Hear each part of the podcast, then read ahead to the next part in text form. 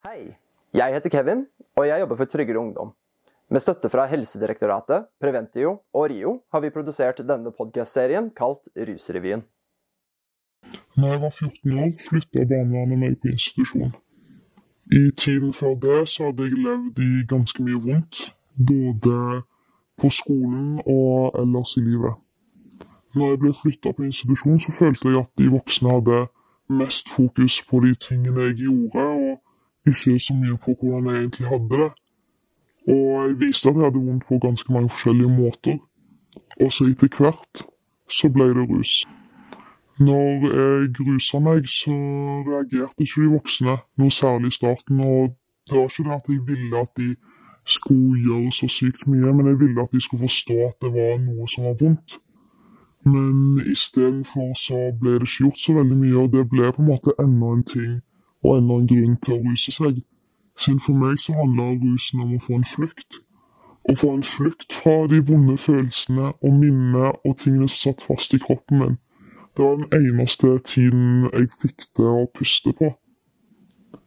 Etter hvert så ble politiet blanda inn, og da begynte barnevernet plutselig å gjøre veldig mye. Da ble det plutselig veldig alvorlig, og da måtte jeg plutselig flytte langt vekk. På kort varsel så måtte jeg flytte på en institusjon som var kjempestreng, hvor jeg ikke fikk lov til å gå ut alene, hvor jeg ble holdt fast hvis jeg prøvde å gå, hvor de voksne ransaka rommet mitt, de ransaka meg og tingene mine. Jeg hadde ingen frihet igjen, og det eneste som var igjen, var en desperasjon. Siden de vonde følelsene og minnene trengte jeg å få ut på en eller annen måte. Men når de tok sånn makt og kontroll over meg, så ble jeg bare enda mer desperat. Og jeg begynte å gjøre ganske alvorlige ting for å komme meg unna, for å få tak i noe å ruse meg på. Jeg hoppa ut vinduer, jeg hoppa ut av biler. Og jeg sprang langt inn i skogen i håp om å komme meg vekk for å få tak i noe å ruse meg på. Og det handla De voksne møtte jo dette som om det var et atferdsproblem. Som om at det var et problem når jeg skada meg sjøl. Så tenkte de voksne at åh, hun der har det vondt, hun der må vi hjelpe. Men når det ble rus, så var jeg plutselig problemet. Selv om det handla om akkurat de samme tingene inni meg. Det var de samme grunnene til at jeg skada meg og til at jeg rusa meg, men det ble møtt på to helt forskjellige måter. Og endte jo bare opp med en jente uten noe tillit til voksne. Uten noen tro på at noen ville hjelpe meg. Og med bare enda mer sår og traumer i kroppen. I dagens episode så skal vi snakke om forebygging og minoriteter. Farid er en sosialarbeider med en CV som er helt sykt lang. Han har gjort veldig mye, veldig mange kule ting gjennom karrieren sin, men det som er mest relevant for denne episoden, er at han stiller som generalsekretær for Preventio. Anna er sosionom og ph.d.-student ved Universitetet i Sørøst-Norge. Doktorgraden hennes handler, i hennes egne ord, om hjelpetjenester til ungdom som trøbler. Gjennom samtalen min med disse to så fikk jeg inntrykk av at begge var veldig genuine og varme mennesker. De ønsker virkelig å hjelpe folk, og det de ønsker å hjelpe dem fra i denne konteksten, er mennesker som sliter som et resultat av et litt dysfunksjonelt system, som ikke helt hvordan det skal møte mennesker med bakgrunn som går utenfor den vanlige A4-normen. Og med det så ønsker jeg Anna og Farid hjertelig velkommen. Da er vi i gang. Kult at dere kunne komme. Takk for at vi fikk komme. Vi pleier å begynne med spørsmålet Hvordan ble dere opptatt av ruspolitikk? Vil du begynne, eller? Eh, det kan jeg gjerne gjøre. Eh, jeg må være såpass ærlig og si at min eh, Jeg har ikke den lange erfaringen som det har dedikert eh, min karriere til akkurat rusfeltet som vi kjenner det. Eh, min bakgrunn kommer mest fra et engasjement for menneskerettigheter og sosiale spørsmål. og, og har vært bort, mye borte i rusfeltet gjennom det, det engasjementet der. Men det, det, er hovedsakelig det her med rettigheter til folk. At folk kan jobbe, kan selvutfolde seg og være faktisk frie individer. Um, sånne her type ting har jeg, har jeg, fokusert veldig mye på. Det har vært min vei inn i, inn i rusfeltet, kan man si. Ja, nei, jeg, er vel født inn i rusfeltet, tror jeg. Jeg er uh, vokst opp på Tøyen. Eh, og har hatt eh, personer med rusproblemer på alle kanter, og også i min egen familie. Og så ble jeg sosionom tidlig. Eh, så jeg var, utdanna når jeg var eh, ferdig da jeg var 22. Og da hadde jeg allerede hatt praksisperioden min som sosionom på en eh, institusjon for kvinner i aktiv rus, som vi kalte det den gangen. Jeg vet ikke hva man kaller det nå. Men ja, Og det hadde jeg ønska meg sjøl. Og begynte da å jobbe på rusinstitusjoner rundt omkring i Oslo. Når jeg var 21, tror jeg. Mm. Så det er liksom Og så blei jeg der. Og sånn er det for noen av oss. Det er uh, mange kollegaer jeg har som uh, ramla inn gjennom studiene, og som aldri kom ut av det igjen. Ja, interessant. Så temaet for dagens episode er minoriteter, rus og forebygging. Um, men eh, nå har det seg slik at det er jo mange subgrupper som faller inn under minoritet. Det er liksom et paraplybegrep, da. Eh, så eh, jeg vil gjerne begynne med å spørre dere om hvilke grupper er det som er mest interessant eller relevant å snakke om i uh, denne diskusjonen? Sånn, hvilken spesifikke subgrupper under minoritetsbegrepet er det eh, som ja, er mest relevant å trekke frem? Jeg tenker at det å være en minoritet um, Være ikke en del av majoriteten, da, hvis man kan kalle det det, eh, i seg sjøl følger med noen utfordringer. eh, av at man eh, kanskje blir veldig synlig eh, knytta til hudfarge. eh, eller at man er skeiv, f.eks. Uh, eh, så jeg tenker at en del minoriteter eh, vil kanskje slite med rus og psykisk helseproblematikk rett og slett fordi at storsamfunnet og majoriteten ikke er så god på å innlemme, og at det følger med noen eh, utfordringer. Da. Sånn at man kanskje ser eh, en del eh, Blant skeive, jeg er skeiv sjøl, så ser man at det er en eh, høyere andel av rus og psykisk helseutfordringer eller levekårsutfordringer generelt da, enn eh, hvis man sammenligner med majoriteten, da. På en måte, ikke sant? Ja, ja. jeg tenker altså, Når du spør hvilke, hvilke grupper som er mest sårbare av minoriteter, det, det, det tror jeg ikke man kan sette liksom, et svar med to strek under. Jeg tror at eh, det som er viktig når vi snakker om minoritetskompetanse, det er jo først og fremst å ha en, en anerkjennelse i bunnen av at eh, minoriteter det er ikke en homogen gruppe. Eh, minoriteter kan være folk med utenlandsk bakgrunn, eller tilknytning til utlandet, men også seksuelle minoriteter. Eh, det er en gruppe som vi glemmer eh, ofte, andre grupper som vi glemmer enda i større grad, det er kjønnsminoriteter, og folk eksempel med nedsatt funksjonsevne. Eh, hva, hva de fleste minoritetsgrupper har til felles, eh, er jo at de, eh, de opplever en viss form for undertrykkelse eh, i, i hverdagen. Enten det er i møte med offentlig helsetjeneste, eller om det er ute på gatan, eller i et arbeidsintervju, eller måten du, du blir omtalt på, eller politikken utformes som omhandler deg.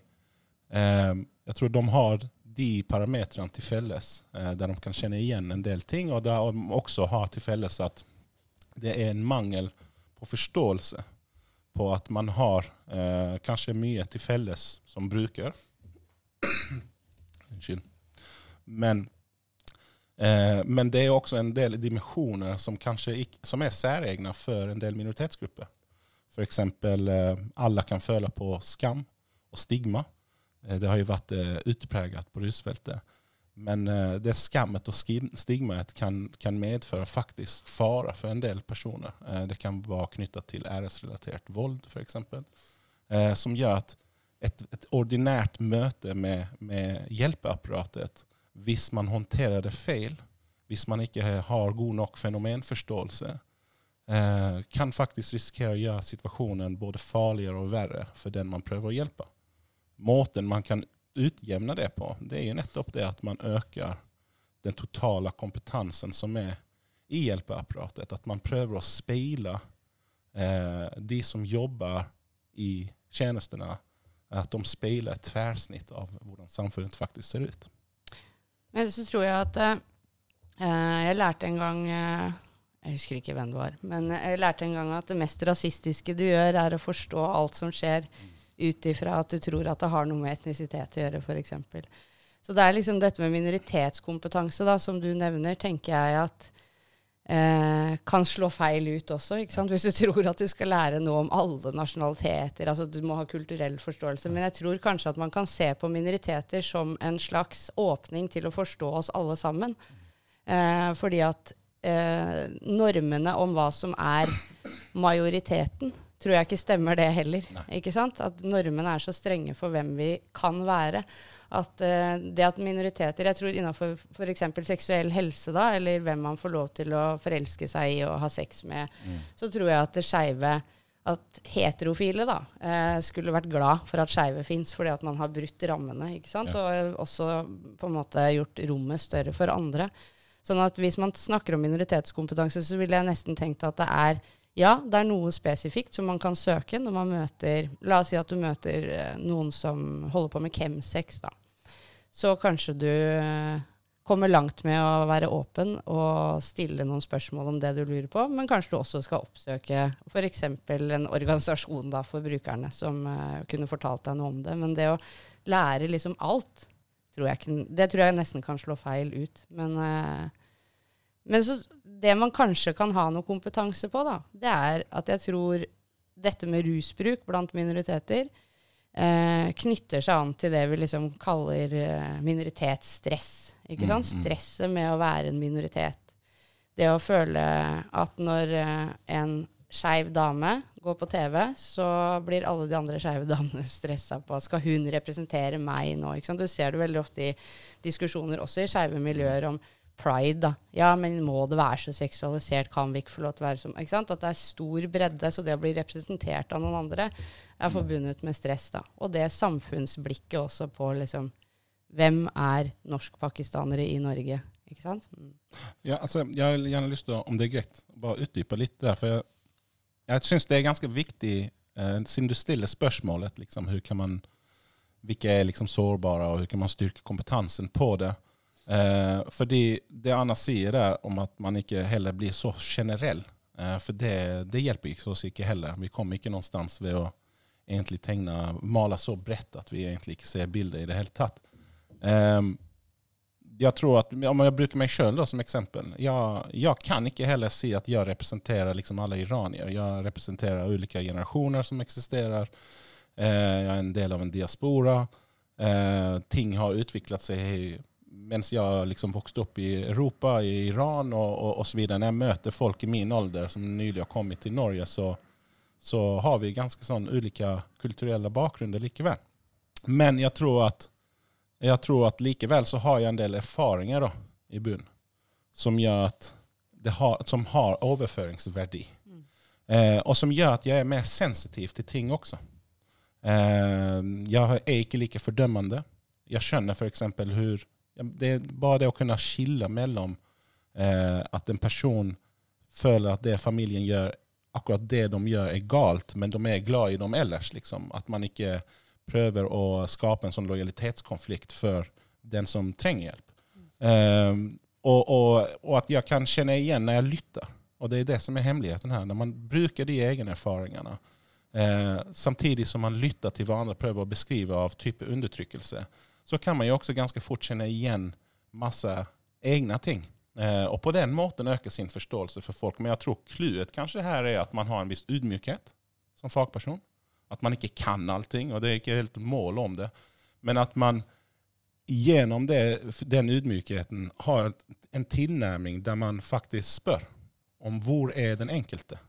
Hva er den enkelte trenger? Og, og i mye større grad faktisk spør konkret om de tingene man vil vite og ikke konkludere på egen hånd.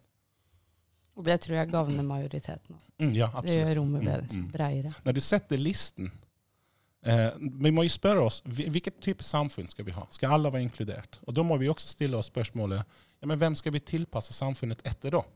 Er det de som har de beste forutsetningene for å delta, ja, men da setter vi terskelen så høyt at det er veldig mange som har vanskelig å delta. Vi kan eksempel ta det med busser som eksempel. Eh, vi bør ha busser og kollektivtransport som gjør at du både kan gå om bord, men også rulle om bord. Eh, og det er egentlig ikke så kontroversielt å legge listen så lat at alle kan delta. Liksom, vi hadde jo også kunnet ha en sånn regel at alle må hoppe på bussen. Eh, ja, seriøst. Eh, og det ville vært ganske mange som ikke anser seg som har nedsatt funksjonsevne, som ville hatt veldig vanskelig å springe opp i fart og hoppe på et tog eller en buss. Så det er liksom som hvem, vi til, hvem tilpasser vi samfunnet for? Eh, men gjør, når vi setter listen så at alle kan være med, så gagner det jo også de som har bedre forutsetninger for før. Ja. Det, dere sa veldig mye interessant eh, angående det å være representant for en eller annen gruppe. Det har jeg ofte stussa litt på, for vi har jo folkevalgte politikere. Så i den konteksten blir det jo legitimt å si at man representerer en del av befolkningen, fordi man har jo faktisk hatt et valg, men jeg har inntrykk av at veldig mange som fremmer seg selv som talspersoner for veldig mange grupper, de har jo aldri blitt valgt til den stillingen i det hele tatt. Så jeg syns det blir litt, eh, litt rart, da. Samtidig så er det jo sånn at noen må De som har gått foran, da, hvis jeg skal snakke for skeive f.eks., eller ikke snakke for, men for meg som skeiv, så måtte noen eh, si ifra om hvem de var. ikke sant? Og så, så jeg er ganske varsom med å kritisere andre skeive for å ikke representere meg, så lenge jeg ikke gjør det sjøl, på en måte. ikke sant? Ja, så tror jeg at altså, Det er klart det betyr noe. eh, Hvem som eh, altså det, Representasjon kommer ikke av at du nødvendigvis har blitt utnevnt talsperson av en demografisk gruppe. Eh, men det er mer det at folk i samfunnet kan på ulike måter identifisere seg med de som er i en posisjon til å snakke om store samfunnsspørsmål og, og delta i ordskifte osv., som de aller fleste ikke har anledning til å gjøre. Eh, og det er klart at når vi diskuterer kvinner, kvinnors rettigheter, kvinnekroppen og, og eh, medbestemmelse og egen bestemmelse, så ville det sett veldig rart ut. Og vi reagerer heldigvis når vi har et panel som består av menn som snakker om eh, kvinners rettigheter. Eh, men, eh, men vi reagerer ikke på samme måte når vi f.eks. skal diskutere innvandreres rettigheter. Da er det oftest en panel bestående av folk som ikke engang har en innvandrerbakgrunn. Eh, og skal vi liksom snakke om eh, asylsaker og flyktninger og sånt, så, så ser man at representasjonen blir enda mindre. Eh, og det er bare å ta en titt på hvem er våre folkevalgte. Hvem er de ulike lederne i, eh, i, i eh, prominente stillinger og posisjoner? Ikke bare i, i politikken, men også i organisasjonsliv, i eh, forvaltningen osv. Jevnt over så ser vi at folk som Altså det er en rekke grupper som systematisk er underrepresentert. Eh, og mister en, en viktig definisjonsmakt i dag. Ok, så for å lede tråden tilbake til det opprinnelige spørsmålet, så har dere jo nevnt en rekke nå minoritetsgrupper i en ruskontekst, som skeive og eh, ja, ungdom med minoritetsbakgrunn, f.eks. Så jeg tenker at vi kan kanskje begynne med ungdommene med minoritetsbakgrunn. Mm. Ja, og som du nevnte i stad, så er jo det absolutt ikke en homogen gruppe. Det er jo innvandrere fra Asia. Første og gen andre generasjons innvandrere er det stor forskjell på kontra innvandrere fra, um, fra Afrika eller Midtøsten. Så det er jo vilt forskjellige grupper. I en ruspolitisk kontekst er det noen av de innvandrergruppene som skiller seg særlig ut fra de andre? Mm. Og som, so, ja, som sosialarbeider så ville jeg jo, eh, og i, fra min praksis, da, og også fra min oppvekst, så ville jeg jo knytta det mer an til eh, eh, sosioøkonomiske eh, posisjoner. Eh, og jeg har egentlig ikke vært så Jeg vil ikke si at jeg ikke har vært opptatt av eh, hvor foreldrene til ungdommene jeg har jobba med, kommer fra, men det har jeg vært opptatt av, men uh, det som har lyst fram som problemområdene som har ført til rusbruk, har mye, i mye større grad knytta seg til fattigdom uh, og veldig dårlig leve- oppvekstvilkår, rett og slett. Uh, og i områder med stor belastning knytta til at alle er fattige, f.eks. Um, og så tror jeg at uh, fordi du, altså Vi kunne jo snakke om svensker. Du er jo svensk og iraner og alt mulig. Det er så interseksjonelt at det er slitsomt. Men uh, Vi kunne jo ha snakka om svensker, men, uh, men og, derfor, og hvorfor vi ikke gjør det, er kanskje for at Eller ja, det var jo en del av disse svenske ungdommene også Ja. som kom til ganske dårlige arbeidsforhold og levde ganske dårlig her. Men, men eh, det er jo eh, ofte også knytta til flyktningbakgrunn da, for en del. ikke sant? Eller hvor lenge man har vært i landet, hvor langt man har liksom klart å komme i forhold til å avansere, om man kan kalle det det, da, på den økonomiske stigen. ikke sant? Sånn at eh, de gruppene som jeg har møtt, er, har jo hatt mye traumebakgrunn fra krig, f.eks., som er en ekstra dimensjon da, Ja. i forhold til rusbruk og psykisk helse. Ja, det kan jeg tenke meg. Det er jo Rusbruk eh, i tidlig alder er jo ofte knytta med traumer av mange forskjellige slag, så det er ikke akkurat overraskende at eh, mennesker som har opplevd krig, kanskje har eh, et par sånne. Mm. Jo, men samtidig så tenker jeg også at du spør liksom om det er noen som skiller seg sånn ut. Um, delvis. Jeg sa både ja og nej. Um, du, en del handler om kultur. Altså, det er ikke alle som tugger katt f.eks. exempel. Så det, det är sånn geografisk geografiskt avhängig av hvor, vilken del av världen man kommer fra. Ikke sant? Mm. Östafrika er där det vanligste å tygge katt. Mm. Så det der, på, på den måten kan jag inse at okej, det har noen sån kulturelle forskjeller. Jeg vil ikke si at noen skiller seg sånn særlig ut. Det jeg syns er men det, det jeg syns like med det spørsmålet, er at når vi snakker om sårbare brukere og sånt, og jeg mener at de som er de faktisk sårbare brukerne, det er ungdommene. Eh, dels pga. deres alder eh, og andre årsaker. Det som jeg tror er viktig at man har med seg, er jo ikke, er ikke liksom sånn hvor mye traumer har de fra før av. Um, det, det er mer det hva, hva skjer liksom, hva, hva, er, hva er det som skiller seg i de miljøene om det blir avdekket rusbruk? Eh, en person som har vokst opp i f.eks. Finnmark, der jeg har bodd de siste 14 årene, risikerer ikke å bli sendt til utlandet. Eh, det er en dimensjon de ikke trenger å bekymre seg for. Eh, men, eh, men det er mange som, som kan bli presset til å, til å ja, bli plassert i utlandet mot sin vilje. Eh, og ikke for at foreldrene egentlig eh, vil barnet sitt vondt, men fordi når hjelpeapparatet ikke er der for dem, så stepper det andre hjelpeapparatet inn. Og det kan være nettverket som har eh, på tvers av kontinenter.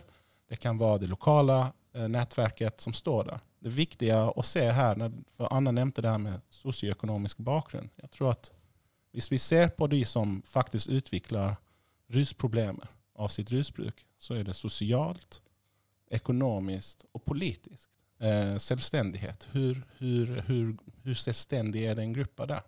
Hvor godt er de representert? Eh, kan de selvrealisere seg?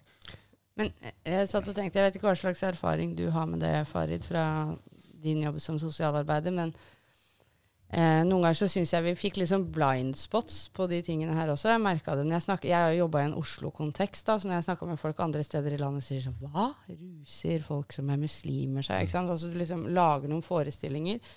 Men også på en, en annen måte at når jeg hadde jenter som var førstegenerasjon eh, vokst opp i Norge da, fra Øst-Afrika, som drakk veldig mye alkohol, så var det bekymringsfullt for meg. Så var det liksom sånn, ja, men det er helt vanlig i Norge, man drikker mye alkohol, liksom. Men det er, har kanskje en annen Altså det er et uttrykk for noe annet enn bare vanlig ungdomsopprør, tenkte jeg noen ganger. ikke sant? At det er et veldig opprør, og at det er et signal om at du har det ganske dårlig, at vi burde reagere eh, på det. Og da blir folk kanskje redd for å overreagere. Og, ja.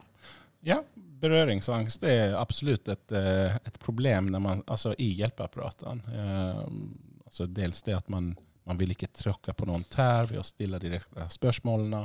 Det er sånn misforstått eh, tilnærming, tror jeg. Eh, men jeg tror også sant, det, Anna nevnte at det er interseksjonelt. Eh, jeg tror at utgangspunktet Vi går tilbake til, eh, til det vi snakket om innan. at Vi vet jo ikke. Vi vet ikke hvorfor de her ungdommene ruser seg. Eh, vi vet ikke så mye om eh, liksom, hvilket hjem de kommer ifra, hva er holdningen til rus, eh, hvordan vil de håndtere det og sånt.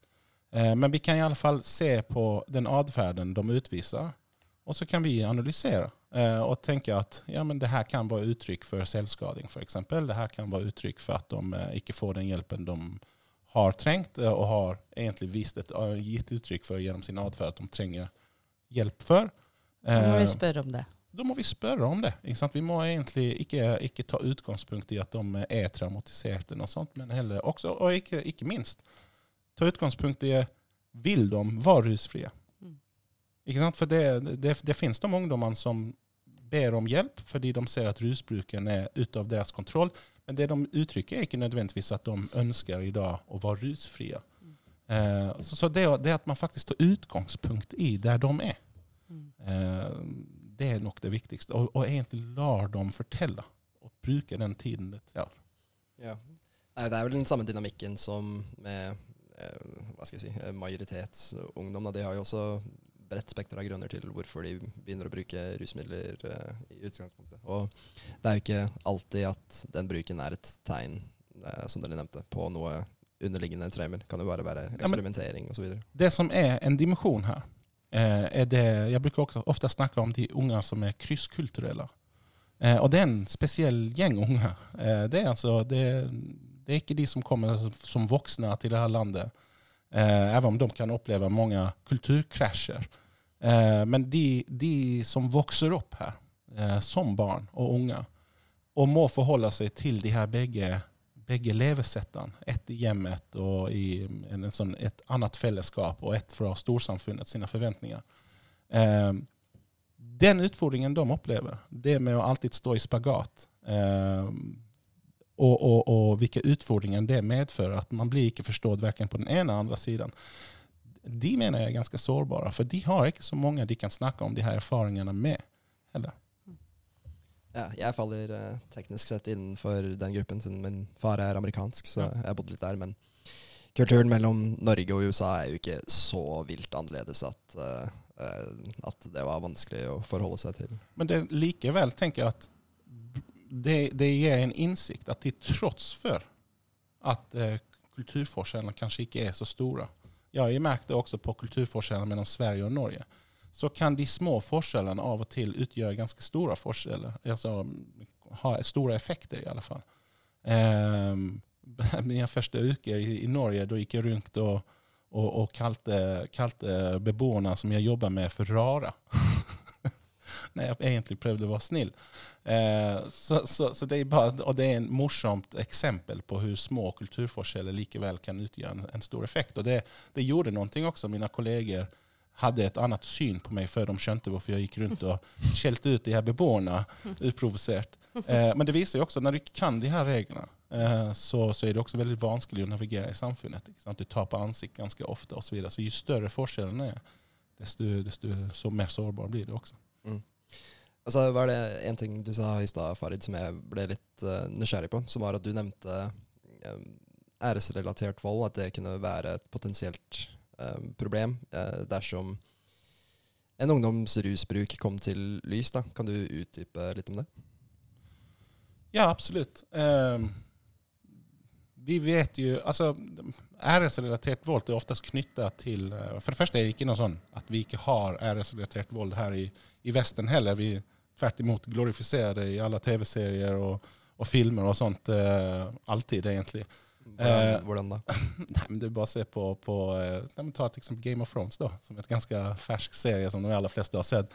Eh, bare se på alle æreskodekser som er der, eh, og hvor, hvor vi egentlig godtar det og glorifiserer det, eller i alle fall romantiserer det eh, som noe ærefylt, rett og slett.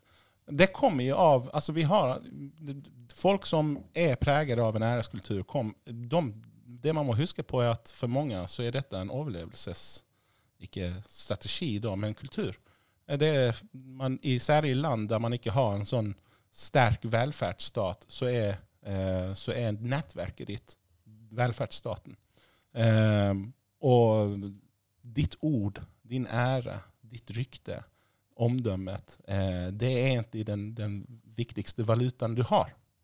Eh, så det å, det, å holde, det å ha en viss form for eh, Altså det å, det å ta vare på sin ære, eh, det å ha et godt rykte, eh, det, det betyr veldig mye. Det er det som kan påvirke om du får jobber eller kan gå utdanna deg, og hvem du kan gifte deg med osv. Så, så det er klart at for når du kommer til eh, et land som er et individualistisk land som Norge, eh, så, eh, og du, du har en normbrytende atferd eh, som, som krenker æren til familien pga. Trans, eh, transnasjonal press, blant annet. For at man, har, man liksom gir ikke avkall på sin bakgrunn når man kommer til Gardermoen. Eh, ja, der kan man se at f.eks. atferd hos minoritetsungdom som kan krenke familiens ære, det kan ha ganske alvorlige konsekvenser. Det kan føre til tvangsekteskap, f.eks. For, for å egentlig ramme den her eh, mindreårige inn, eller den unge voksne. Eh, det kan føre til vold. Det kan føre til, eh, i verste fall også, eh, død.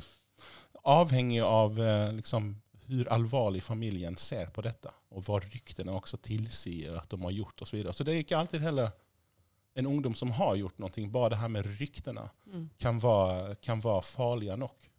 Hva vil folk si? Mm, mm. Jeg syns det er en veldig Altså Det er mange foreldre som sier sånne her ting. Vi vet at våre unge snakker sant, men vi må vise at vi er gode foreldre for vårt miljø. Um, så det er de her dimensjonene da, eh, som jeg bl.a. sikter til når jeg snakker om æresrelatert vold og, og den slags ting. Kontroll. Ja, også og eh, Hvordan spiller eh, bruk av illegale rusmidler inn på den dynamikken? Og du nevnte også at det kunne være At det ikke Hva skal jeg si At hjelpeapparatet som eksisterer for å fange opp den slags type atferd, eh, ikke var god nok til å kunne forhindre at sånne type ting sklei ut i en uheldig retning. Da. Um, hva tenker du, Anna? Nei, jeg tenker um, at kompetansen på det du snakker om nå, er ganske Den er knytta til noen fagmiljøer. Um, og at uh, det, det jeg har vært borti Altså, jeg har vært borti æreskultur mye, men, ehm, men ikke av den alvorlige arten, hvis du skjønner. Mm. Uh, og de gangene det har uh, vært tilfellet, så har vi altså jeg, Som sagt så har jeg jobba i en Oslo-kontekst, så har vi ganske gode fagmiljøer til å hjelpe til i de ordinære tjenestene. Da, på en måte, til å gi råd og veiledning og til å staffe opp. Men uh, det å kunne spotte det, eller å være en hjelper ansatt som signaliserer at dette kan du snakke med meg om, det tror jeg eh, vi skal Vi burde bli bedre på, alle Mm, sammen. mm. Og at det egentlig knytter seg til det vi snakka om først. Det å tørre å spørre, eller å ha en holdning til at du viser at her er det lov til å snakke om alt. Om det er eh, seksuell atferd eller hva nå enn, på en Mm. måte. Eh, og det knytter seg nok veldig til forestillinger og fordommer. Det er der det stopper, ikke sant? Og hvilke spørsmål du stiller, da. Eller hva du kan om noe, eller hva du vet om. Mm. Ja, sånn, vi snakker jo Vi kommer jo ofte tilbake til liksom metode og sånt. Mm. Eh, det vi egentlig snakker om også er ikke bare metoder, men en kultur. Mm. Eh, og jeg mener at det har Altså velferdsstaten og da tjenestene som skal yte noen hjelp da, overfor borgerne, de har dreid seg av en eller annen grunn mer og mer til, eh, til at altså, den profesjonelle sitter på definisjonsmakten. Mm. Eh, og det, jeg, jeg mener at det er en sånn veldig stor asymmetri eh, mellom, mellom profesjonelle hjelpere og ja, klienter, brukere, pasienter. Altså de som mottar hjelp. Eh, og jeg tror at sant, vi, vi, vi, vi, kan ikke, vi, un, vi kan ikke unngå å snakke om at vi som kulturelt må ha en annen fokus også, helt fra utdanningen av at hvordan tilnærmer vi oss eh, asymmetriske maktrelasjoner. Eh, og, og reflektere rundt sånne fenomen som makt. Eh, uh, ruster profesjonelle hjelpere med faktisk hvor utjevna eh, maktforhold mellom, mellom uh, den profesjonelle og den som mottar hjelp. Videre. det, det her type tingene er jo vel så viktige og inngår egentlig i en sånn strukturell systemtilnærming. Eh, som det å, å snakke om liksom, mangel på personer med en viss bakgrunn. Ja, men så tror jeg også at eh, når vi hadde diskusjon på Arendalsuka om dette temaet, så sa, altså jeg, så sa jeg noe om at jeg tror det er liksom middelklassen, da. Eh, som jobber Hvit middelklasse som jobber i hjelpeapparatet. Ikke sant? Eh, som tar høyere utdanning og den type ting. Og det gjør noe med legitimiteten til hjelpeapparatet, og det har en signaleffekt. Altså Hvis man skal eh, være tilgjengelig for hele befolkninga, så må man også representere den befolkninga. Sånn som du snakka om i forhold til politikk, da. ikke sant? Eh, det tror jeg også skal gjenspeiles i alle tjenester vi har. Og så skjønner jeg at det er utfordringer med det på landsbasis og den type ting, men å tilstrebe at man ønsker en ansatt stab da, eh, som reflekterer den befolkninga man skal hjelpe. Eh, når jeg jobba, i sentrum, på en måte, så hadde jeg en eh, bydelsdirektør eh, der som var opptatt av det. Og for der bodde det veldig mye etniske minoriteter. altså som vi hadde et bevisst forhold til rekruttering, ikke sant. Og hvem er det For det er eh, i seg sjøl en signaleffekt, og det gir ringvirkninger bare i form av hva du prater om i lunsjen. Du, da kommer denne kompetansen på å være 'jeg vet ikke hvem jeg har med å gjøre'. Uh, og jeg, du sa jo at du um, også har aner i USA, og jeg har bodd i USA. og det de var flinke på, var å aldri forutsette. Det var på østkysten, og jeg vet jo ikke hvordan det er andre steder. Men å ikke forutsette. Det var liksom ikke noe sånn, Du spurte ikke ja, hva heter mannen din, eh, eller Altså det var liksom ikke, Du tok ikke for gitt at folk hadde unger. I en norsk kulturell samtale så kan du ha tråkka feil veldig mange ganger på kort tid. Hvis du Mm. ikke har jobb, f.eks. Det er noe av det første vi spør om. Hva jobber du med? Mm. Ikke sant? Og så kan du du kanskje spørre hvor kommer du fra? Eh, er du gift? Altså veldig ting som, som når jeg var eh, i USA, som ingen ville spurt meg om. De spurte f.eks.: Oh, I like your accent, it's cute. Where is it from? For å signalisere du er velkommen her, du bor her og tilhører her, men vi syns at jeg er nysgjerrig på hvem du er som person. ikke Ja. sant? Eh, når jeg skulle reise hjem fra universitetet der jeg hadde vært, så hadde jeg en avsluttende samtale med en av professorene, og så sa han ja, jeg har hørt at du ikke vil dra hjem, så kanskje vi kan snakke om hvordan vi kan samarbeide videre. Og så sa jeg ja, men jeg er jo singel og jeg har ikke barn, så jeg kan jo egentlig bare komme tilbake når jeg vil. Og da begynte han å le, og så sa han men jeg spurte ikke deg om sivilstatusen. Og da hadde vi kjent hverandre i åtte måneder, og det er ikke fordi at han ikke var interessert, men det er fordi jeg har jo ikke tematisert det sjøl, og da er det på en måte Så jeg tror liksom at de derre Ja. Mm. At den, eh, den kulturformen vi har på å være da, i Norge, eh, kan veldig godt signalisere at vi ikke At vi tar avstand.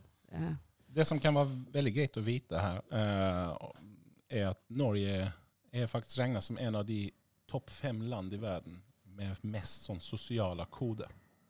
Vi, vi liker å tro at det er veldig lett å bare komme hit og tilpasse seg det norske storsamfunnet, og sånt, men det er altså et av de land i verden det er vanskeligst eh, å egentlig kunne beholde det du har hatt fra før av, og samtidig tilegne deg noe nytt. Eh, det, i, i, I Norge så er vi i mye større grad så er lagt opp til at du må nesten sånn gi avkall på, på din bakgrunn for å på en måte kunne tilegne deg en sånn identitet i fellesskapet. Eh, og det, det, det tror jeg preger også ja, nettopp sånn måten vi egentlig eh, tar, sånn, tar for gitt at folk eh, tenker på, eh, reagerer på ulike spørsmål. Sant? En er det sånn tilsynelatende uskyldig spørsmål, som er også i seg selv isolert uskyldig spørsmål, er liksom det her med hvor kommer du ifra? Mm. Eh, og sånn egentlig, når de spør det. Og så når de dessutom sier nei, om jeg nå skulle være dum nok og si at jeg er fra Sverige av noen grunn, så sier folk med en gang at eh, nei, men sånn Farid, det låter ikke helt svensk det heller, liksom. Eh, for visstnok så har navn også nasjonaliteter. Men, men, eh, men det folk ikke forstår, er at når, den, når det spørsmålet egentlig kommer så tidlig, når den akkurat har møtt noen, og den kommer kanskje fem-seks ganger i løpet av en dag, Eh, sånne der type spørsmål er også med på å minne deg om din annerledeshet. Eh, eh, og når folk da sier at ja, men det er for at vi er så, det er så spennende hvor du kommer ifra, så må jeg også stille spørsmål ved at liksom sånn, men hva vet du egentlig om Iran? Om jeg sier at jeg er født i den og den byen, hva har jeg egentlig tilført for type kunnskap til deg? Jeg vet ikke engang så mye om Iran. Jeg vet bare at det er såpass mångfaldig land at det, det, du, du, vet ingenting om Iran bare for at du vet, og ingenting om meg bare for at du vet hvor jeg kommer fra. Eh, däremot det eksempelet som, som Anna tok opp med, med at man kommenterer noe som, der man hører hennes dialekt, Mm. det syns jeg er en vesentlig forskjell. For da har man ikke dømt henne basert på hennes utseende, men faktisk en egenskap hun har. Altså Man hører på aksentene. Folk spør meg jeg hører at du er svensk så har de ikke forhåndsdømt meg, utan de faktisk møter meg med en åpenhet om at svensker kan se ut så som jeg gjør også, og det gjør vi. Vi, har, du nevnte andre generasjonen, så vi er vel tredje og fjerde generasjons innvandrere også. Um, så det, det, det, det, For meg avslører sånne møter litt sånn storsamfunnets kollektive holdninger til ting. Paradigmet som er. Hvilket verdensbilde har man? Ja, men så tror jeg det der er eh, Når jeg jobba med ungdom, så hadde jeg sånne ungdomsgrupper. Og så den første gruppa som jeg hadde, så tenkte jeg at nei, jeg skal ikke si at jeg har en jentekjæreste, for da kanskje jeg liksom støter noen fra meg med det. Eh, og det er sånn som jeg nesten begynner å grine av når jeg tenker på etterpå. Fordi at eh, det jeg ikke klarte å tenke på eh, i mitt eget minoritetsstress, er at det satt jo folk i det rommet som enten hadde søsken som var skeive, eller som var det sjøl, som gjenkjente meg som det. Og så satte jeg ikke ord på det. Så da hadde jeg allerede liksom med, bare i kraft av meg sjøl fortalt at det er liksom ikke tematikk som vi kan liksom ta opp i disse gruppene. Um, og jeg tror det på en måte gi et mulighetsrom for å si når du trenger hjelp, da. La oss si du er i en krise, og så må du omkjønne kjæresten din. At uh, legen sier 'ja, hva heter uh, han?' Ikke sant? Så, så må du si 'nei, det er en dame'. Så er det det kan være helt greit, men det å komme ut eh, ti ganger om eh, dagen hvis du mm. syns det er litt vanskelig Altså hvis du har litt trøbbel med det, som mange har med identitet, eh, så er det belastende ikke sant, over mm. tid. Å måtte omkjønne eller Ja, vi er to mammaer, vi, og ikke sant. Det, her. det var en av de første tingene jeg lærte meg for en god del år siden. Eh, snakk om berøringsangst. Og, og det, det var liksom spør. Altså, kan du spørre om folk er om, noen, om, en ungdom forteller deg 'min kjæreste', kan du spørre direkte eh, er det greit om jeg spør deg er det en gutt eller jente. Og forklar gjerne hvorfor du spør. For at du vil ikke anta noen ting. ikke sant? Eh, men bare det å spørre om sånne her type ting, eh, i stedet for å anta at de er hetero, f.eks., eh, det, vil, det, vil være, altså det, det, signaliserer en åpenhet, for det første, og en aksept, som er utrolig viktig. Eh, du overfører også eh, litt mer makt til personen, eh, og får definere seg sjøl ut fra det de er eh, komfortable med å fortelle deg også i stunden. Eh, men, men, også det at du slipper konstant å liksom rette folk. Stikke deg ut. Ja, ikke sant? Du, du, du, du åpner litt mer opp for ting der. Uh, og det blir ikke så smalt. Jeg tror veldig mye av den minoritetsstressen vi snakker om, er at man, mange føler at jo, jeg har mine særegenheter osv., men i det store hele så er jeg også et normalt menneske som har mer til felles med storsamfunnet enn jeg ikke har til felles.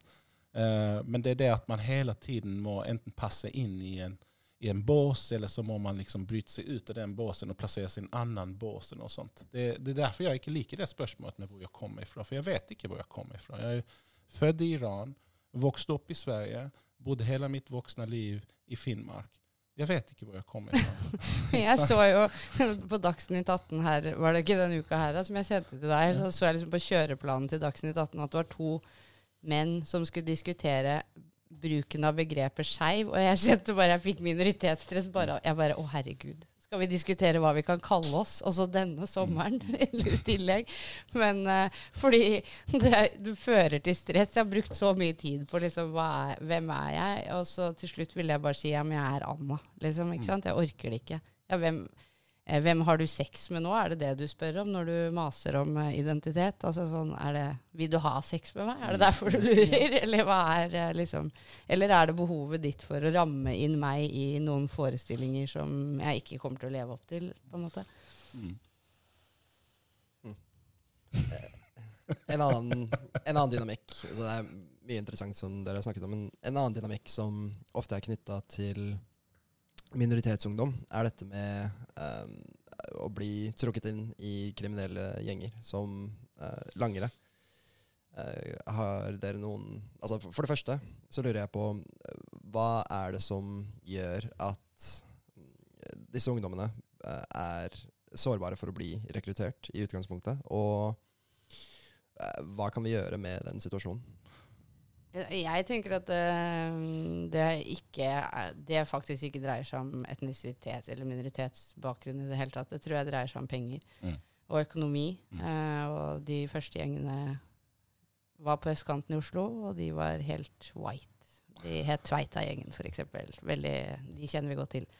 Eh, så det tror jeg liksom er Det dreier seg om det. Og så dreier det seg om et skolesystem som har helt fallitterklæring eh, i forhold til å få igjennom Altså, jeg jobba i en bydel som 50 av både gutter og jenter eh, som begynte på fagarbeiderutdanningene, altså på videregående, eh, ramla ut. Eh, eller slutta, ville jeg kalt det da. Slutta. Ikke sant? Har syntes at skole var Pressad fælt, liksom. Jeg mener at de ble presset ut. Ja, i den, jeg driver jo med en doktorgrad, og i den første artikkelen i doktorgraden så, så kaller jeg det uh, 'School as an ejecting force'. Eh, 'Schools out with fever' heter den artikkelen. Og det er fordi jeg spør om er det ungdommene det er noe feil med her, eller er det skolen.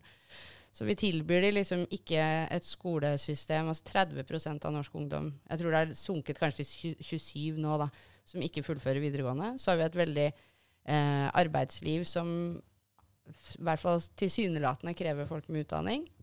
Med høyere utdanning til stillinger du ikke hadde trengt det til, kanskje.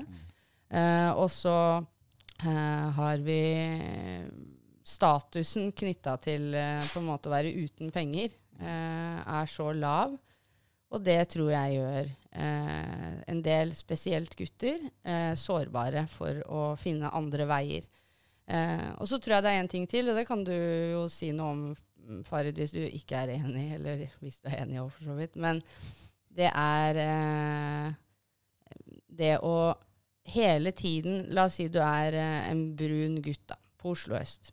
Du leser i avisene eller hører på nyhetene eller møter det hos lærerne dine at du er eh, Altså, det blikket som rettes mot deg, er at du er en kriminell ungdom. Politiet stopper deg selv om du bare er på vei fra gymmet. Eh, ikke sant? Det tror jeg liksom Altså, det, den fortellinga som du får fortalt om deg sjøl, gjør mulighetsrommet ditt mindre. Ikke sant? Og hvis du da på en måte har det vanskelig fra før av, så tenker jeg at det der er en måte å hevde seg på og komme seg ut av det skitt. Og det er ingen som tror noe bedre om deg Nei, altså det, det er helt rett. Um, kom igjen, jeg ble liksom raseprofilert som åtteåring allerede. Uh, I mitt nabolag. Ikke engang sånn ute i byen og sentrum og så videre. Utan bare noen hundre meter fra, fra mitt hjem. Uh, og begrunnelsen var alltid at passer noen signalement. Jeg vet ikke hvilken åtteåring de leter etter, liksom, og hvilket signalement jeg passer. Men sånne der type møter med politi Mm. Eh, og, og det er ikke bare politi. Altså, den type møter hele tiden. I min oppvekst, vi kom som asylsøkere. Altså, svenske myndigheter brukte meg og mine brødre som tolker eh, når min mamma var til samtaler. Eh, jeg har lærere som har forhåndsdømt meg eh, om det ene og det andre, liksom. Eh, Ja, og spesielt skolen tror jeg for, kanskje, altså, jeg ikke si alle skoler og henge de ut, men vi ser på statistikken at det her er litt vanskelig, da. Men når jeg jobba med ungdom, så var det at vi, vi fikk de jo, de var 18 år gamle da, de kom til Nav og har en nederlagshistorikk som er veldig lang allerede.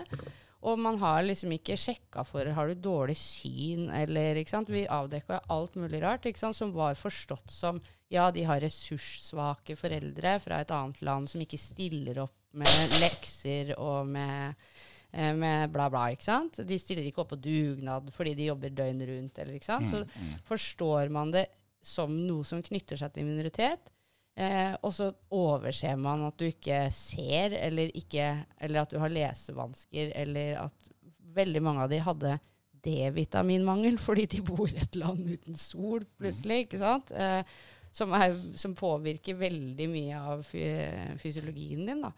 Eh, så jeg tror um, Men ja. det selvbildet da. Når du hele tiden leser at altså, OK. For det første, de, de ungdommene du spør om. Det vi snakker om mig.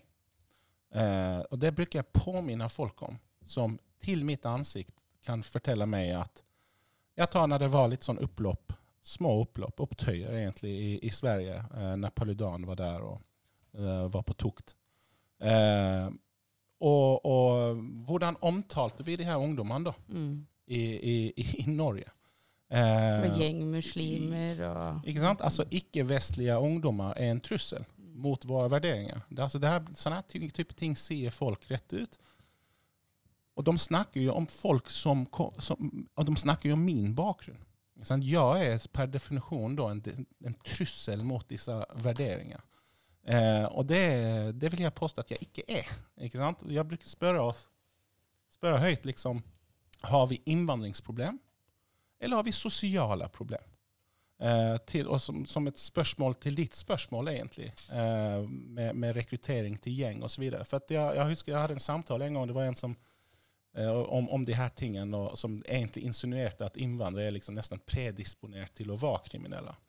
Og hennes, hennes begrunnelse for det var jo at hun sa at ja, innvandrere de er jo en minoritet i denne, dette samfunnet, og det er et statistisk faktum. Og så sier hun at men trots det så utgjør de en majoritet i norske fengsler. Eh, og det kanskje også stemmer, eh, som et statistisk faktum. Men så lämnar hun jo bare tomrom der, prikk, prikk, prikk. Eh, der hun gjør en kobling. At ja, men derfor er jo innvandrere mer sånn kriminelle. Det jeg spurte henne, var men hva har de fleste som er i fengsel, til felles? Altså uavhengig av etnisitet. Og ser man nærmere på det, så ser man jo ok, men de kommer oftest fra samme nabolag, eller lignende nabolag.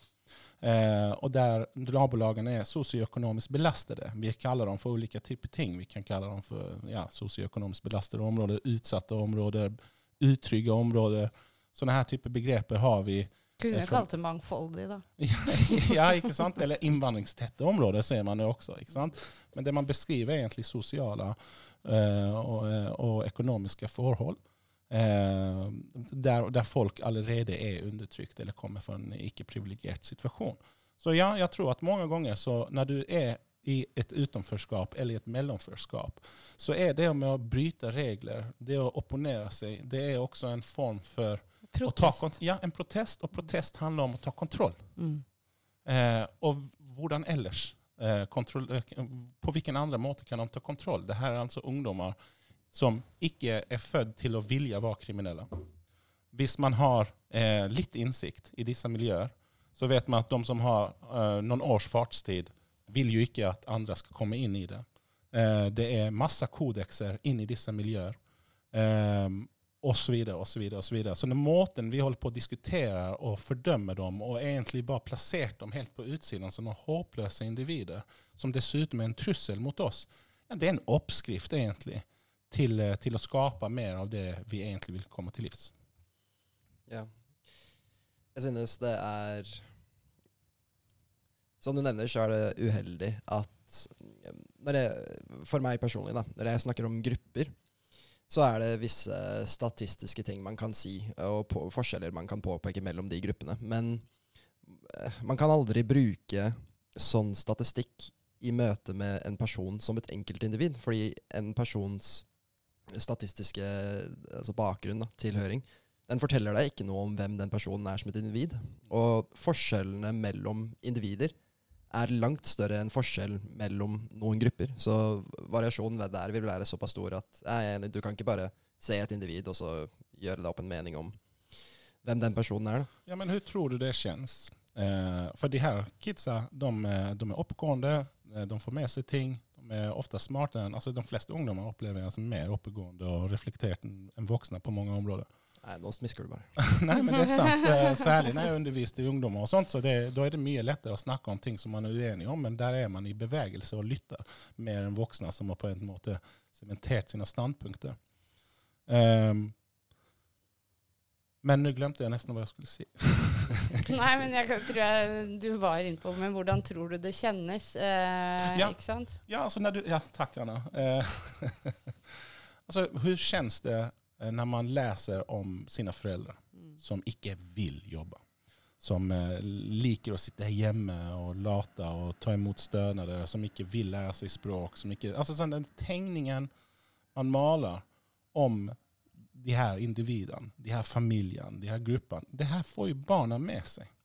Det påvirker både deres selvbilde eh, ja, og så, og så, er det noe som henger igjen. Jeg kjentes veldig mye for ting mine foreldre ikke hadde noen kontroll over. Men jeg lasta dem for det, for den skammen samfunnet påførte meg. Projiserte jeg over på mine foreldre. Og var sint på dem eh, lenge. Eh, og så ble jeg voksen. Eh, og så endra jeg standpunkt på ting og tang, eh, og, etter, og, skjønte ting litt annerledes. Men skammen forsvinner ikke. Skammen blir istedenfor rettet mot meg sjøl igjen, fordi jeg har hatt de følelsene jeg har hatt som barn, osv. osv. osv. Eh, det er en utrolig belastning de her ungdommene får, får lempet over seg på, av storsamfunnet. Og Det eneste de gjør, er at de skaper et bilde av at uh, de er håpløse. Du ødelegger liksom deres fremtidstro og sånt. Uh, ja, men du har ikke noe igjen å tape, ikke sant? Og da ja. tenker jeg at uh, Og du veit at ingen bryr seg. Jeg tenkte det når det var liksom det her drapet oppe på Mortensrud, liksom. Mm, og så mm. var jeg på besøk der oppe på gymmet til Shahid Rasul, og da sitter det liksom jeg vet ikke 60-70 gutter da, eh, der og sørger over liksom eh, en venn som har blitt eh, drept, liksom. Og det er Det var jo bare vi der, mm. Eh, på en måte. Så jeg tenkte liksom Ja, hva er det vi Hvor er alle? Hvor er, hvor er alle som skal sørge over dette, og som skal de var jo der. De var lette å plukke. Kunne jo bare gått rundt der og sagt du, unnskyld, er det noe jeg kan bidra med her? Trenger du en jobb? Trenger du, hva er det du ja. trenger? på en måte? Altså, for de var jo samla. Jeg, jeg, syns, jeg, syns, jeg, jeg, blir veldig provosert når vi snakker om kriminalitet blant ungdommer eller i nabolag og sånt, i de her utsatte, utrygge, sosioøkonomisk belastede områdene. Vad hva er tiltakene, da? Mm. Hva er det man alltid foreslår for storsamfunnet, for politikere, fra skravleklasse osv.? Jo, det er liksom sånn hardere tak. Mm. Strengere straffer, hardere bud. Men la oss nå gjøre en liten øvelse. Hvordan ser det ut eh, i plasser der det ikke er utrygt? Eh, hva, er det, hva har de til felles? Jo, men da ser man nesten ubefintlig arbeidsledighet. Eh, en, en, tilgang til eh, samfunnstjenester eh, økonomisk eh, frigjørelse, som du har, du har nevnt det med arbeidsledighet, men også en sånn sosial representasjon ute i samfunnslivet. Og tilgang til, til samfunnstjenester, men også institusjoner og arbeidsplasser osv. Eh, da er det ikke, snak, det er ikke, det er ikke høyt polit, politinærvær som gjør at de er veldig, veldig trygge i de nabolagene. Så hvorfor, hvorfor, skal vi, hvorfor skal vi oppnå den der tryggheten med noen repressive tiltak istedenfor.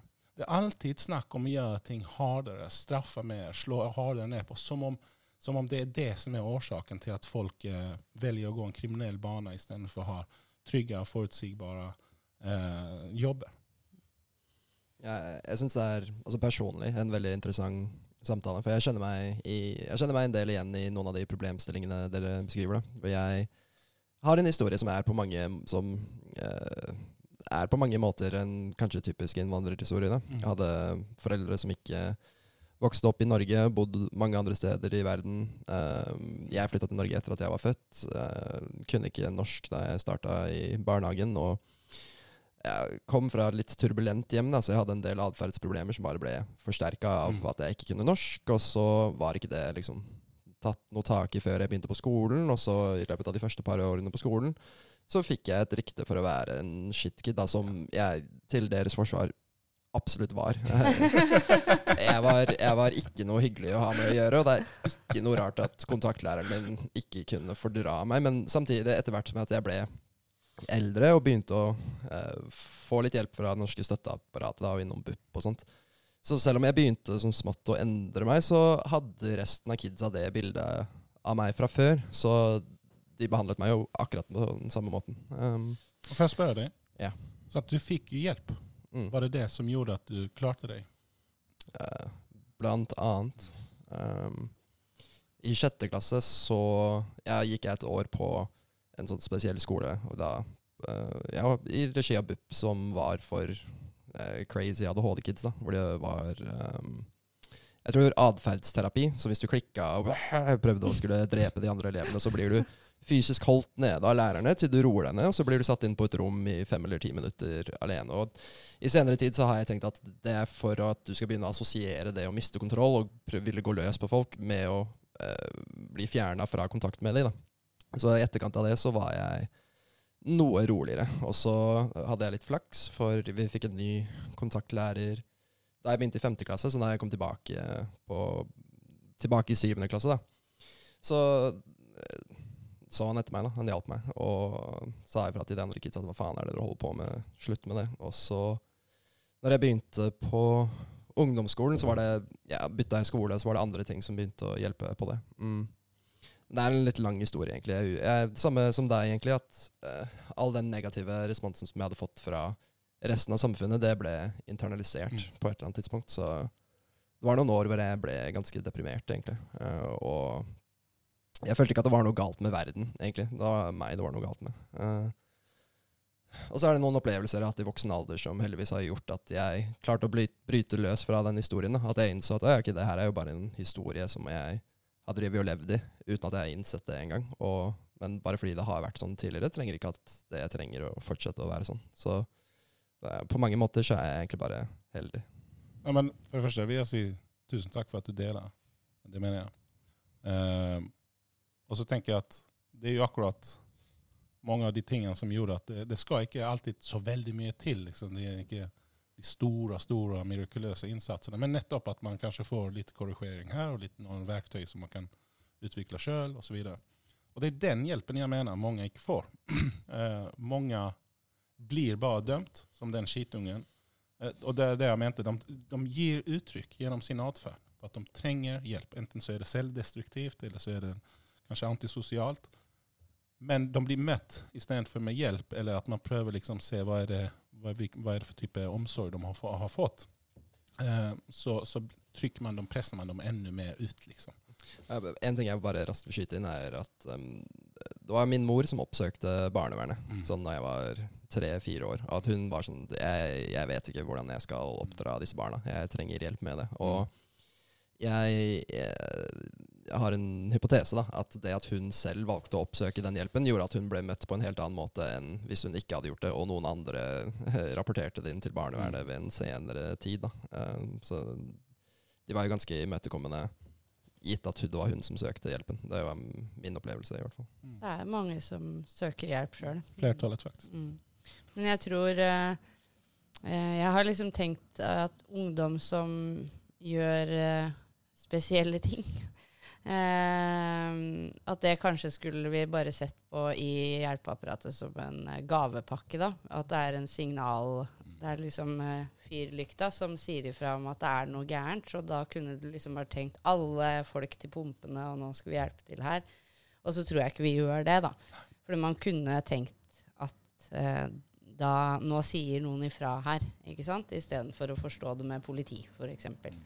Eh, og jeg ser liksom, jeg vokste opp i gamle Oslo, og i gamle Oslo så er det ganske det er, Man gentrifiserer det nå, men det er mye av det samme da, som var når jeg var yngre. Det er kanskje verre for en del fattige, vil jeg tenke, fordi at det har flytta inn eh, ressurssterke, som man ser mye, i mye større grad. Det var, det, jeg møtte ingen som var rike før jeg begynte på videregående, og veldig, ble veldig irritert av det. Når jeg skjønte at jeg liksom Oi, jøss, fins det sånne folk. Men nå møter man det hele veien, da, som også fører til at man kanskje tidligere kjenner på eh, at man er annerledes. Eh, men, men den måten som eh, Når du sier ja, det er meg, liksom. Ja, jeg, jeg er jo hvit jente, da. Men eh, det var eh, 90 av de jeg gikk på barneskole med, var eh, førstegenerasjonens eh, norskpakistanere sine barn. Eh, så jeg var for så vidt en minoritet som hvit der. eh, og har vel egentlig en identitet knytta til å være nesten pakistaner, si, selv om jeg ikke er det. Men eh, har veldig gode følelser da, for den befolkningsgruppa. Um, men når vi liksom hang rundt, da, så blei alt forstått som at det er faenskap du driver med. ikke sant? Og jeg ser det fortsatt nå. Det sitter noen gutter og holder på nede på en benk uh, utafor leiligheten min, liksom. Og da er det liksom politiet som er svaret fra, fra naboene òg, ikke sant? Istedenfor at du bare går ut og sier kan dere slutte å skrike, liksom. Eller altså Man reagerer liksom med redsel, da, i møte med spesielt eh, mørke gutter. Ja. Mm. Og jeg, skulle, jeg er veldig glad for at du tok opp det. For jeg tenkte sjøl skyte inn og si at vi må, vi må anerkjenne et par ting også. At eh, vi blir møtt ulike. Det, det er min påstand. Og jeg tror at eh, er du fattig, eh, så, så har du et sett med erfaringer, om du vokser opp fattig eller i fattige nabolag, liksom, som gjør at du også kan kjenne igjen deg i mye som, som har med innvandringsutfordringer å gjøre. Eh, og særlig om du er en synlig minoritet. Eh, när du ikke kan kamuflera din etnisitet etnicitet eh, på en måte. Og, eh, og det er klart at det, jeg, tror at eh, vi, må, vi må anerkjenne at i hjelpeapparatet, i samfunnet, så er det også en del utpreget rasisme. Eh, og ikke nødvendigvis sånn at det er en form for rasisme der folk aktivt går rundt og tenker negativt om andre pga. deres etnisitet, men at det er, det er noen forutinntatte fordommer som man vokste opp med. Eh, som kan gi uttrykk på denne måten at liksom, når jeg gjør noe, eh, så er man mye raskere til å tenke at ja, det er kulturelt betinget. Eh, at de, jeg, jeg, vet ikke hvor mange ganger jeg har liksom fått kastet til meg liksom, når jeg har diskutert noe med noen, eh, noen eh, damer at ja, men i deres kultur, i din familie, så har man sikkert et mer sånn nedsettende syn på kvinner osv. Nå har vi snakket om veldig mye interessant, og dessverre så er det ikke alle minoritetsgruppene som vi rakk å være innom. Skulle gjerne hatt to, til, to timer til til å diskutere alt det her. Um, men avslutningsvis så liker vi å uh, spørre om hva deres uh, liksom uh, Hva deres optimale rusreform, hvordan det ville sett ut. Så hvis dere kunne velge da, og satt føringene for det, hva ville dere likt å se inkludert? Skal jeg begynne? Uh, jeg har ikke de store altså, formuleringene rundt det. Jeg vil ha en generell avkriminalisering av alle illegale rusmidler. Um, og så tenker jeg at man godt kan ta utgangspunkt i det rusreformutvalget anbefalte som, eh, som rusreform. Alt fra terskelverdier og, så videre, men også en del lovforslag der man skulle både slette politiregistre og så videre. Men jeg tenker at eh, i den, en, den kommende avkriminaliseringen som vil komme, så tenker jeg at det er en rekke ting som vi kan forsterke en sånn rusreform med, som vil da involvere både type sånn, som Rio har pratet om og lansert det her med integrert ettervern, eh, og en rekke andre ting som ikke ble med i, i første, første omgang.